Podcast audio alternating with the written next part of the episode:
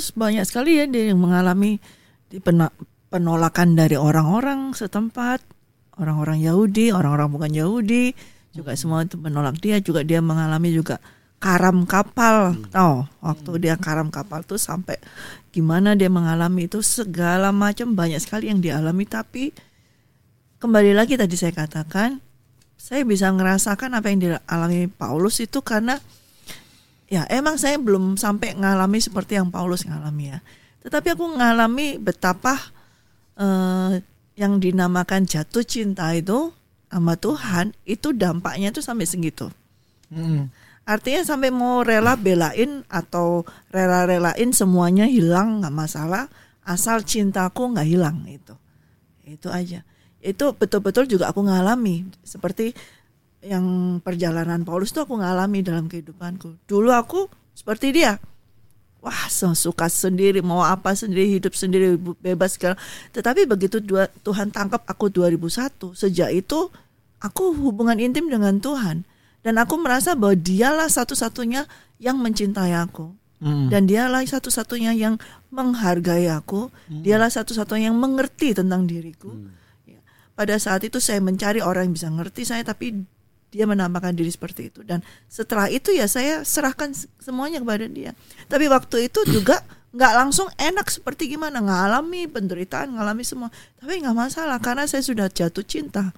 Saya sudah menemukan cinta. Dan saya sudah tahu bahwa orang yang mencintai aku ini menerimaku apa adanya. Dan orang yang mencintai aku ini sangat sangat mencintaiku bukan hanya sekedar omong tapi semuanya. Dan pada saat itu aku baru ngeh dan tahu dan kemudian aku balas dia dengan cintaku. Ya apa saja Tuhan? Dan aku katakan selama ini sebelum hari ini aku hidupku nggak benar. Nah aku mau bukan nebus ya maksudnya itu kayak untuk mengganti. Sekarang apa yang kau kendaki? Apa yang kamu kendaki untuk aku alami lakukan? Aku mau aku nah itu seperti yang Paulus juga. Setelah dia ditangkap Tuhan setelah dia didoakan sejak itu hidupnya dia terus memberitakan firman. Tetapi juga nggak enak-enak juga. Banyak penderitaan banyak penentangan segala macam dan masalah kehidupan. Tapi dia tetap tidak tidak kembali lagi untuk menyangkal Tuhan. Dia tidak kembali lagi ke dosa yang lama, tapi dia malah terus semakin intim, semakin intim, semakin intim. Penderitaan kita nggak akan bisa mengalahkan cintanya Tuhan Yesus. Yes. Amin. Kan nggak akan Tuhan memberikan suatu penderitaan itu melebihi dari cintanya Tuhan Yesus. Karena dia begitu sangat-sangat mencintai kita. Dia tahu kita menderita, memang menurut dia kamu harus lewat penderitaan itu, tetapi penderitaan itu tidak melebihi dari cinta itu. Gitu. Dan cintanya Tuhan itu cukup untuk saya mengatasi penderitaan itu. Cukuplah kasih karunia gitu ya kemarin ya. Di mana itu Galatia berapa? Saya mesti buka Alkitab. 2 Korintus 2 Korintus. 12. Oh, 12. Cukuplah kasih karunia aku kepada. Untuk menahan. Iya. Sekalipun harus kalau Rasul Paulus mengalami ada duri, ya. Ya, dia harus Ayat 9 tuh. berdoa, meminta kepada Tuhan, tapi Tuhan katakan cukuplah, bukan berarti kalau kita sudah cukup deh, udah cukup nggak usah nggak usah minta tolong lagi atau nggak akan tolong lagi. Tapi arti dari cukuplah kasih karuniaku itu artinya kasih karunia yang Tuhan berikan ke Paulus itu cukup untuk menanggung Paulus menghadapi duri tersebut. Gitu. Jadi kepada kita kalau kita betul-betul cinta kepada Tuhan dan ada ada penderitaan yang kita alami, kasih karunia Tuhan, cintanya Tuhan itu cukup diberikan kepada kita, cukup kuat untuk kita bisa nanggung.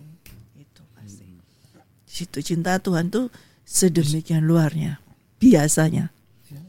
Jadi bukan waktu kita minta tolong Tuhan minta tolong terus Tuhan bilang udah cukup udah kamu udah nggak bakalan aku Kamu tolong udah, keba- kamu udah kebanyakan. kebanyakan kasih karuniaku buat kamu bukan. Udah, sekarang jadi cukup. clear ya Clear, clear. pasti Tuhan yang ah, apa namanya memberikan kita kekuatan Iya. untuk menghadapi Ya, itulah hubungan intim. Sampai di situ harus terjadi hubungan intim.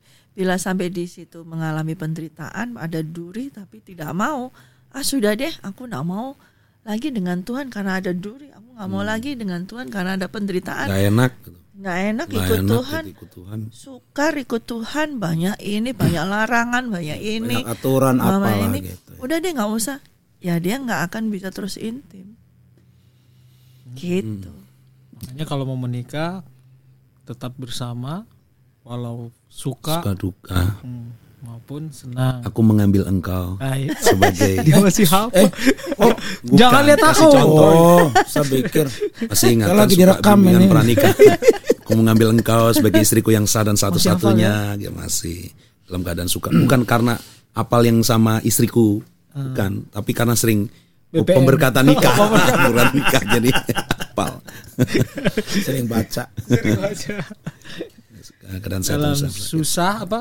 Susah maupun dalam senang. eh, dalam keadaan baik, jadi baik-baik sehat maupun sakit, Sakit. kaya ataupun miskin, sampai sampai maut memisahkan kita. kalau kita nggak ada maut dong. Kalau sama Tuhan Yesus sampai kita bertemu Bertemu dengan Justru maut yang mempersatukan. Mempersatukan kita. mempersatukan. Itu ada quote-nya Cici ya kemarin ya itu ya. tulis itu. Ada aman. Aman kan? Jadi memang eh, pertanyaannya, eh mau ada pertanyaan baru atau masih bahas yang tadi? Enggak cuma yang itu tadi apa? Oh nggak ada kalau Quote, quote, quote. Cici ditanya kita dengerin aja. Ya. Oh, Ah, ah, jadi pendengar yang setia ya kan.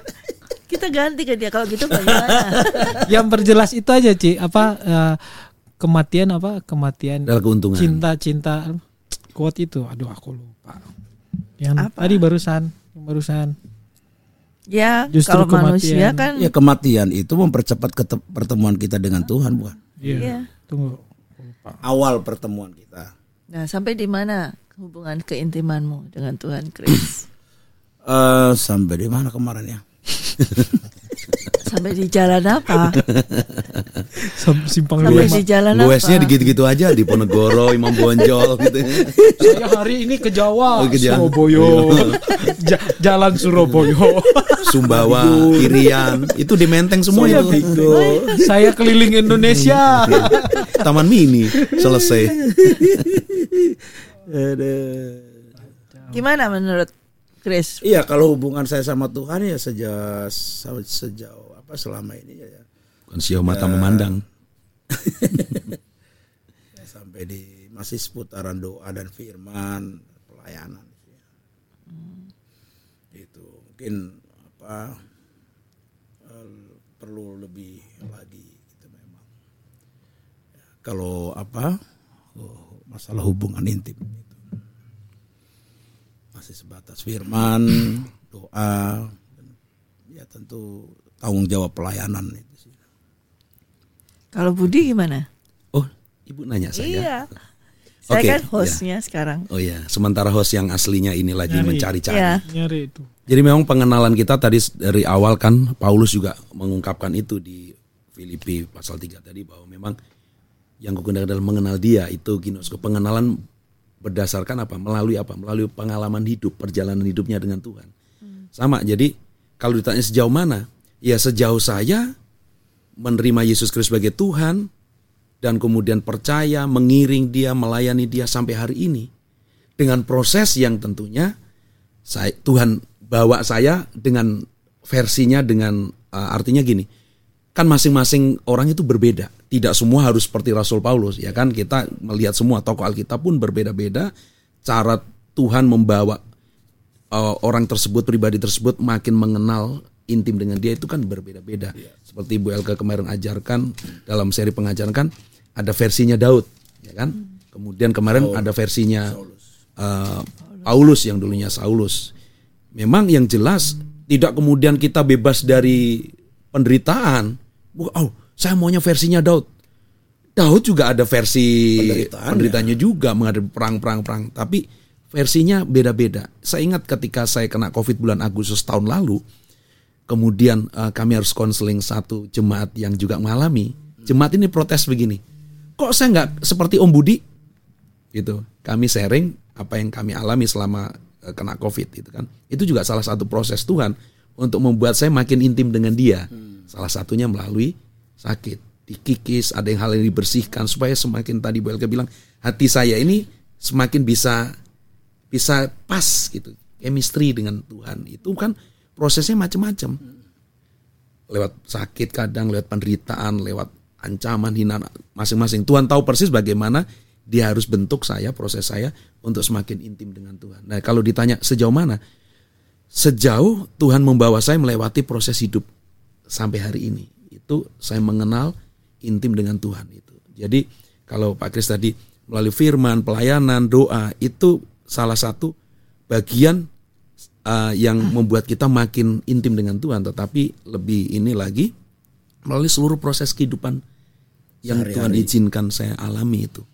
Lewat peristiwa kecil, penderitaan ringan, pernikahan berat, kalau Rasul Paulus dalam 2 Korintus pasal yang keempat sampai pasal yang kelima ya, saya bacakan ayat 16, 2 Korintus pasal yang keempat, Sebab itu kami tidak tawar hati tetapi meskipun manusia lahiriah kami semakin merosot. Nih jujur kita nggak bisa lahiriah kita pasti makin merosot ya kan. Dulu kita nggak pakai kacamata sekarang udah mulai burem. Ke dulu masih pakai soft lens apa mata ini sekarang pakai kacamata. Tahu dari mana? Eh? Tahu dulu pakai softline. Ya nggak tahu lah. Oh, belum ada dulu zaman mudanya. Selama kebaktian nggak pernah cerita pakai softline. Pakai kuku-kuku yang lentik-lentik itu Ah, ya. itu Iya, ya. iya, ceritanya tuh ya. iya, softline. Pakai kuku gini. Tuhan nggak boleh. Itu prosesnya. Proses tunggu tadi- tunggu tunggu. Kayaknya lebih lentik dia dari Cici. Tapi saya saya note itu pernyataan itu. Nah itu yang salah satu ini karena gini. Well kan sempat protes sama Tuhan dalam arti gini. Waktu Tuhan suruh lepas kuku-kuku yang spanduk kan cantik-cantiknya itu kan. Ingat ya pengajaran yang Iya. minggu lalu Bagaimana, ya. bagaimana, minggu, Pak? lalu, minggu lalu itu kan. Suruh lepas. Agak lurus ini. Kan tadi. protes loh. Ah itu ada ibu pendeta hamba Tuhan yang Iya. juga pakai kenapa nggak larang? Apa yang Tuhan proses buat Bu Elke suruh lepas itu berbeda dengan prosesnya dengan hamba Tuhan yang lain orang Iya, lain. Itu yang menarik itu tadi yang saya bilang. Prosesnya Paulus memang sama-sama Ini melewati maksudnya lagi nasehatin CLK. Bukan, nasehatin Pak Kris. Prosesnya Tuhan dengan Paulus, prosesnya Tuhan dengan Bung Ruli, Bu Elke, Pak Kris, saya. Beda. Walaupun mungkin harus melewati penderitaan, tapi versinya pasti beda-beda. Beda-beda gitu. Ya betul juga. Soalnya eh, yang dialami sama Daud, sama Paulus itu Iya. pasti berbeda dalam kategori keintiman dengan Tuhan. Jadi mereka mengalami eh, apa namanya eh, dalam masih dalam konteks keintiman, tapi yang mereka rasakan, yang mereka alami juga pun berbeda-beda nih. Tapi intinya ini yang Paulus katakan tuh ya. Manusia merosot artinya tapi eh, manusia batinia kami dibarui dari sehari ke sehari. Ya, dibaruinya melalui apa? Proses, itu tadi. Proses, iya. Masing-masing lewat penderitaan, lewat apa pun. Sebab penderitaan ringan. Tuh Paulus ini udah, udah penderitaannya luar biasa ya. Tapi bilang ringan ya. Iya, ringan. Lolos dari kapal karam aja sampai daratan dipagut ular loh. Iya. Sampai orang bilang orang ini benar-benar terkutuk, gitu iya. sampai gitu ya. Tapi Paulus bilang sebab penderitaan ringan yang se- sekarang ini mengerjakan bagi kami kemuliaan kekal yang melebihi segala-galanya, jauh lebih besar daripada penderitaan kami. Ini yang menarik. Jadi Paulus melihat penderitaan itu justru kalau kita baca waduh dahsyat penderitaannya, tapi dia bilang ringan. Karena apa? Dibanding dengan apa? Kemuliaan kekal. Jadi kita ngelihat kacamata dari Paulus ya sama. Kalau kita diizinkan Tuhan mengalami ini, ingat ini proses Tuhan untuk mempercantik kita dalam arti mempercantik hati kita sesuai dengan hatinya Tuhan. Berganteng lah kalau Iya. berganteng. Itu sampai menjadi serupa dengan dia. Itu yang menarik gitu. Sehingga penderitaan ah nggak apa-apa Tuhan, saya rela Tuhan. Aku rela menderita asal kau dapati aku berkenan di hadapanmu. Wih, luar biasa ya kan. Itu itu inti Rasul Paulus gitu. kata-kata ini sulit ini. Apalagi mengalaminya. Betul sekali Pak Kris itu. Mengalaminya gak gampang. Eh, Ruli coba Ruli. Ruli. Enggak, aku susah ngomong. Soalnya begitu. Banyak penderitaan kau. Bukan. Semua ini kan ini kesaksian hidup gitu. Apa firman Tuhan yang kita dapat itu semua dari apa yang kita dapat dari Tuhan dan sudah kita alami. Mungkin beliau ini memang lagi ngalamin. Jadi benar-benar Oh bukan, lah, udah pernah. Oh, udah pernah. Oh iya, betul. Makanya saya dapat quote-nya, Ci. Asik. Itu. Oh, dari tadi nyari quote kau. Iya. Sampai digantikan itu. Potong-potong itu. Potong berapa persen lo? Cinta manusia sampai maut memisahkan kita. Iya betul. Cinta ma cinta, Cinta manusia, manusia. sampai maut memisahkan Iya. kita. Terus cinta Tuhan baik kematian maupun kehidupan tidak dapat memisahkan kita darinya dari Tuhan. Ayatnya di mana? Enggak ini kok Ada ayatnya itu Oh, dasar ada. dari quote itu. Roma 8. Ya. Aku udah buka sih. Aku udah buka nih. Baik pedang, baik ini ini sakit itu tidak akan memisahkan kita dari cintanya Tuhan. Tuh, nih aku baca ya. Sebab aku yakin bahwa baik maut Nah, maupun hidup, baik malaikat-malaikat maupun pemerintah-pemerintah, baik yang ada sekarang maupun yang akan datang, atau kuasa-kuasa baik yang di atas maupun yang di bawah, ataupun sesuatu makhluk lain yang tidak dapat eh tidak akan dapat memisahkan kita dari kasih Allah yang ada di dalam Kristus Yesus Nah, itu Tuhan maksud saya, kita. Quote itu ada dasar firman Tuhan ya. itu. Semua quote-nya Cici kan pasti ada Betul. Dasar. Tadi kan pertanyaannya pada Chris, Roli, Budi tentang sejauh mana keintimanmu. Keintiman. Ya, Ruli belum. Roli Udah. Eh, belum. Belum Di ditanya. podcast, di podcast sebelumnya udah. Tadi mana? Udah jawab belum? Belum. Oh, belum jawab. Dia lagi nyari quote itu Oh tadi. iya. Bagaimana? Sejauh mana? Iya sejauh sekarang. Sejauh langit dari bumi. Nyanyi deh. ya. Eh, kalau aku Jangan sih, nangis. Jangan sedih. Jangan sedih. Tuhan tahu hatimu. kok garing ya ini? Enggak ya. Udah kita ketawa aja lah. kalau aku sih ya cinta Tuhan pasti, ya kan. Jangan sedih gitu dong. Aku belum masih biasa aja. Buktinya apa sih? Hmm, cinta Tuhan ya. Nah, tapi sama itu kalau aku sih dalam eh, itu proses. Karena proses bagaimana bisa mengerti kehendak Tuhan, bisa mengerti ini jalan Tuhan. Makanya aku selalu komunikasi juga sama Cici gini. Gitu. Eh bukan komunikasi sama Tuhan. Oh, melalui Cici. Oh, kalau keintiman itu kan Dia masih di pelataran kalau gitu. Pak. iya. Iya, nggak apa-apa saya di pelataran. Karena Karena belajar. masih membutuhkan imam.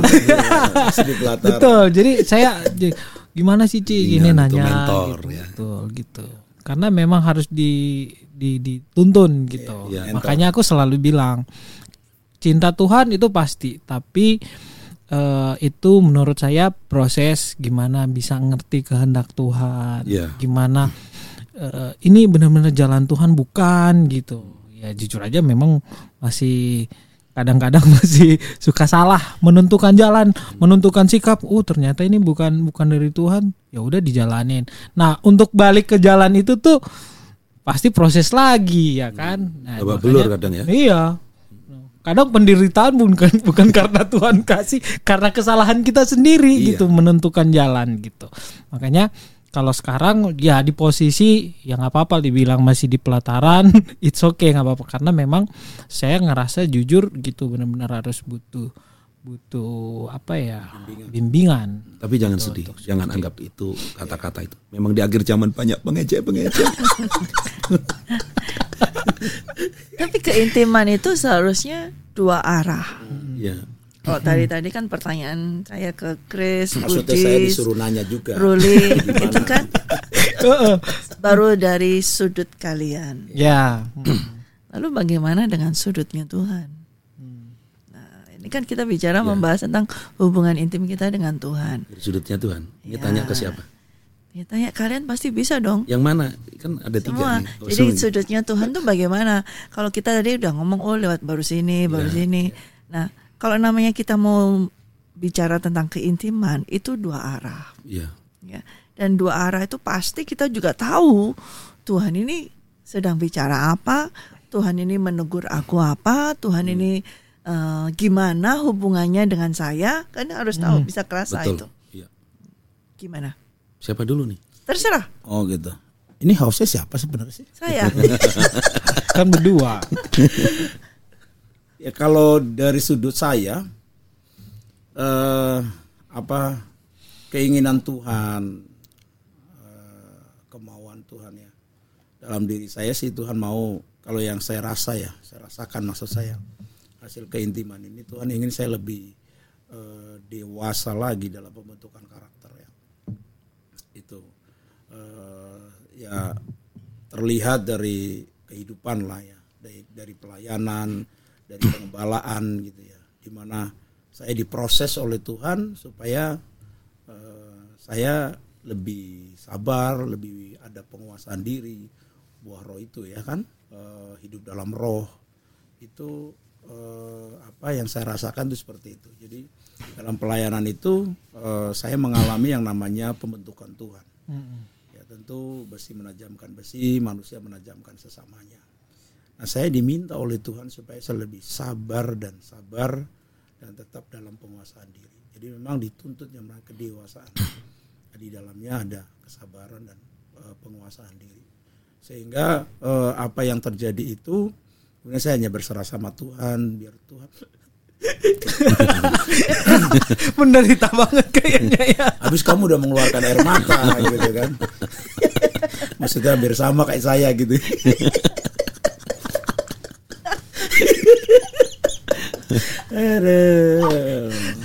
Gimana? Oh, udah selesai? Belum, belum, belum selesai. Aku ngerti penderitaan. Kok dia yang nangis? Kok kamu lebih merasakan daripada istri saya? Oh, kan kita udah intim. Iya, kita kenal lah.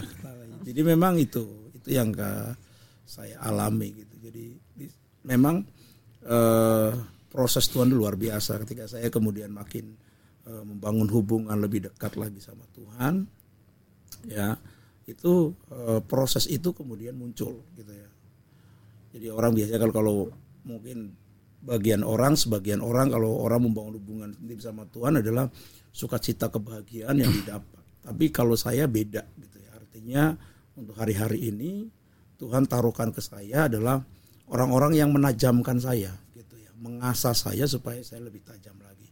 Itu supaya saya menjadi dewasa supaya saya bisa dapat menguasai diri kemudian lebih sabar dalam menghadapi segala sesuatu. Baik dalam hal pelayanan di pengembalaan itu sendiri maupun dalam eh, apa lebih luas lagi gitu. Jadi itu eh, apa dua arahnya itu jadi Tuhan mau supaya saya lebih dewasa lebih dapat menguasai diri lebih sabar menghadapi segala sesuatu itu sih Gimana? Oh, Cik? sudah. Sudah. Sudah selesai. Baik. Ya, saya sih tidak akan terlalu panjang seperti itu ya. Kalau kita lagi. Enggak, kan ini bukan soal ini pembelajaran. Ini jadi ini kesaksian apa secara personal ya. Jadi kalau saya tuh saat ini ya dari kalau dulu apa-apa selalu gini, saya bawa ke formal. Jadi contohnya saya ngalamin satu tekanan dalam pelayanan, saya mesti bawa ke formal, mesti duduk doa nyembah Tuhan baru dapat sesuatu gitu. Baik itu apakah teguran, peringatan atau nasihat, petunjuk dari Tuhan. Tapi belakangan ini uh, Tuhan lebih bawa saya ke dalam lagi bukan artinya uh, artinya terbatas mesti itu tidak salah ya. Kita punya waktu khusus bagaimana kita Ya. uh, punya waktu nyembah Tuhan doa tanya Tuhan. tapi ke belak ke sininya itu di mana pun kadang kalau nyetir saya sebagaimana roh Tuhan sudah berikan di hati saya saya sering berdialog dengan Tuhan. Kadang Tuhan Tuhan mau apa dari hidup saya gini? Ada hal yang nggak nggak di nggak nggak benar Tuhan ingetin. Dan itu memang kadang berjuang dengan daging. Soal kesabaran kah atau apa pun. Kadang da- roh ini penurut firman Tuhan katakan. Ya ya Tuhan apa? Tapi kadang dalam prakteknya itu daging keranya nggak nyaman gitu. Tapi ke sininya saya belajar di mana saja ada kesama biar Roh Kudus izinkan Roh Kudus bicara. Apa yang Tuhan mau gitu. Itu sih lebih ke situ saya ke jadi Tuhan mau saya lebih intim lagi. Jadi mengak, ayo, arti bukan mengaktifkan ya memang roh yang Tuhan yang sudah taruhkan dalam diri kita ini roh, diri saya ini lebih terus diajak dialog di mana pun kapan pun tidak terbatas ruang waktu atau aktivitas tertentu tapi di mana saja coba mendengar apa yang Tuhan mau melalui rohnya ini itu saja sih Ya, bagus. Ruli gimana? Ya tentunya yang paling banyak tuh saya. yang ya aku rasa- ngomong saya nangis Jangan dong. lama. Jangan lama-lama. ya Iya. waktunya habis PK hangus yang paling banyak ya ibaratnya kan saya masih belajar gitu bagaimana mencari mendengar suara Tuhan otomatis yang paling banyak Tuhan yang aku rasain yang paling banyak Tuhan tuntut itu adalah saya gitu dari bertiga dari kita berempat gitu karena tapi eh, ke sini ke sini saya mulai belajar untuk lebih lebih peka lagi itu misalnya dalam hal-hal kecil misalnya kayak karena mungkin saya eh, adalah orang yang gimana ya mau dibilang suara Tuhan secara audible juga belum gitu gimana gitu. Jadi aku belajar supaya dari eh, bahasa sekitar gitu. Misalnya aku dapat ayat firman Tuhan gitu atau enggak dari podcast ini terus ada firman Tuhan yang nancep ke saya gitu itu saya belajar dari itu atau enggak paling simpel tuh kalau kita perjamuan tuh Oh. kan suka ada ayat Foto. tuh Mm-mm. Aduh. Bu- bukan masalah fotonya om masalah ininya Jadi nah Masih ayat firman Pas banget ya kan. Di Pas dalam banget foto itu. itu ada ayat firman. iya iya betul. Hendaklah kamu. Nah, itu. Terus aku kayak kayak minggu ini tuh tanggal 3 sama ta- tadi malam gitu. Dapat ayat ayat yang sama gitu. Pas dapat yang sama, wah ini kalau sampai dua kali begini ini berarti Tuhan mau ngomong ke saya gitu. Nah, saya coba sharing ke ke Cici juga. Ber- Berarti kamu masih mikir gini. Jadi itu kan ayatnya seperti itu. Jadi nah dari kalau saya ber- berusaha untuk menangkap maunya Tuhan melalui dari bahasa sekitar yang saya alamin, saya dapat gitu. Misal contoh-contoh kayak tadi ya kalau dibilang mau ya? Itu juga bagian dari itu kok. Mm-mm. Ya. Kalau kita nggak izinkan Roh Kudus memberikan kepekaan kita baca firman, kita anggap lalu aja. Iya, betul. Itu salah satu bagaimana Roh Harus Tuhan memberikan. peduli Iya, lah. harus Iya, peduli. betul. Sama aja Respon. kalau seperti eh, suami istri ya. Suami mempedulikan istri, istri mempedulikan suami harus ada kepedulian masing-masing. Kalau cuek-cuek aja juga nggak akan bisa. Itu bukan ter- nggak terjadi suatu keintiman. Ya bila misalnya suaminya sudah membiayai semua istrinya, kemudian tapi dia cuekin, Hmm. ya nggak akan terjadi suatu keintiman seperti Iya. itu. Ya Betul. atau misalnya misal nih ya eh, istrinya itu eh, di rumah gitu aja sama dia dia pulang pergi nggak pamit nggak apa nggak ini nggak ada suatu hubungan, ya atau misalnya misal ini saya kita kan lagi podcast kan kita misalnya. Misalnya istrinya ini bisu. Nggak bisa jawab. Jadi kamu kan nggak dengar suara Tuhan audible tuh. Nggak bisa jawab. Tapi bukan berarti nggak ada hubungan kan seperti Iya. itu. Artinya apa? Kalau dia bisu kamu harus cari tahu bagaimana caranya kamu bisa berkomunikasi dengan dia kan gitu. Iya, betul. dengan gaya atau isyarat. Tapi yang penting ada ada ini itu uang ya Iya, bukan sarangil. saya tahunya ini uang Itu salah. salah bahasanya satu. salah soalnya saya biasa ngitung Ka- Kalau digini-gini berarti uang. jadi seperti itu kalau kita dengan Tuhan hubungan intim itu kita harus peduli Iya. itu dulu ya memang mungkin ada dari kita kita setiap hari kan kita tidak bisa mendengar suara Tuhan seperti kita ngobrol kayak gini Iya. misalnya ya. tetapi bukan berarti Tuhan nggak bicara sama kita Ya.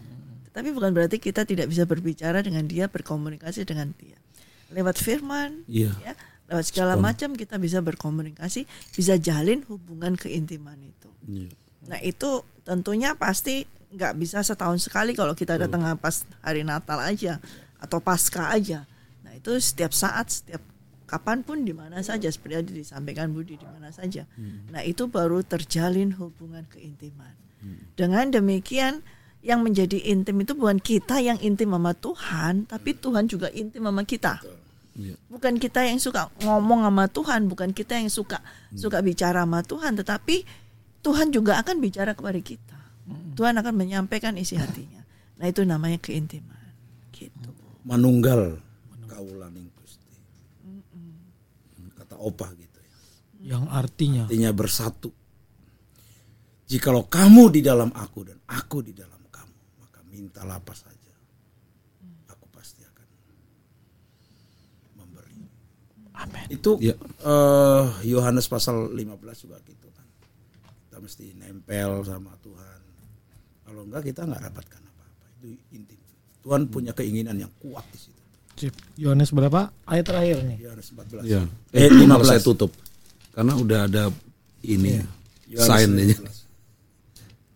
Karena setiap ranting ada padaku, setiap ranting padaku yang tidak berbuah akan dipotongnya dari setiap ranting yang tidak berbuah di Yohanes berapa seri? Yohanes 15. 15 supaya lebih banyak berbuah. Kamu memang sudah banyak uh, sudah bersih bla bla bla. Maka ayat uh, 4 dikatakan tinggallah di dalam aku dan aku di dalam kamu. Sama seperti ranting, tidak, dapat berbuah dari dirinya sendiri kalau ia Tinggal. tidak tinggal ya pada pokok. tinggal pada pokok anggur. Demikian juga kamu tidak berbuah jikalau kamu tidak tinggal, di dalam aku.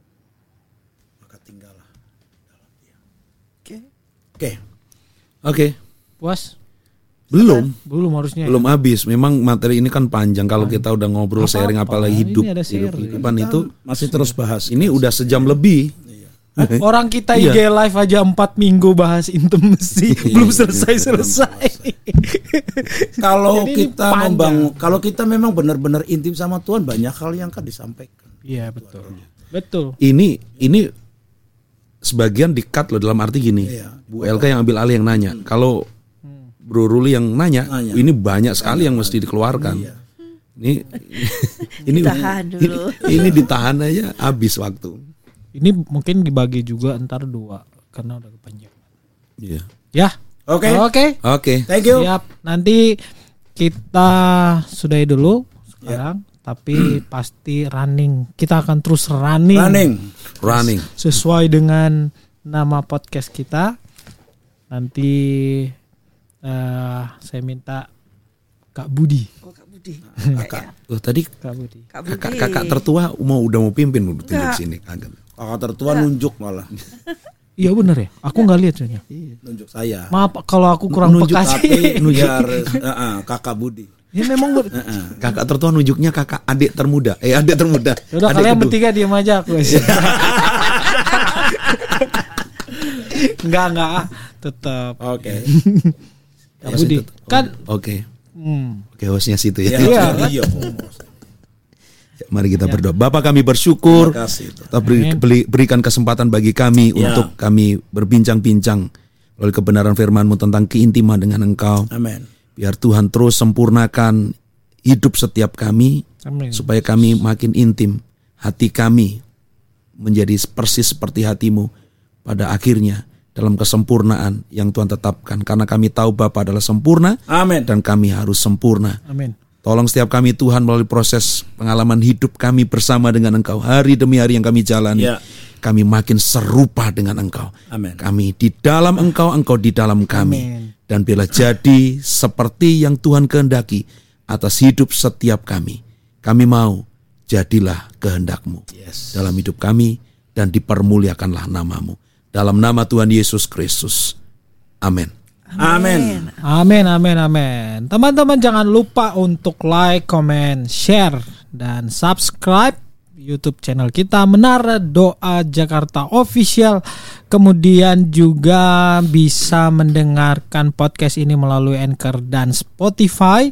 Nanti linknya akan saya taruh di deskripsi video ini dan jangan lupa juga untuk mendukung sosial media kita FB IG dengan akun yang sama Alex Tanu Saputra Ministries dan Menara Doa Jakarta. Haleluya. Saya Yes. percaya podcast ini akan selalu memberkati kalian semua dan kita semua dan sambil kita menunggu kedatangan Tuhan Yesus Yes. kali yang kedua. Tetap terus ada di The Last Movement Running. See you next episode. Yes. God Okay. bless you God bless you all. all. Hallelujah. Haleluya. Haleluya.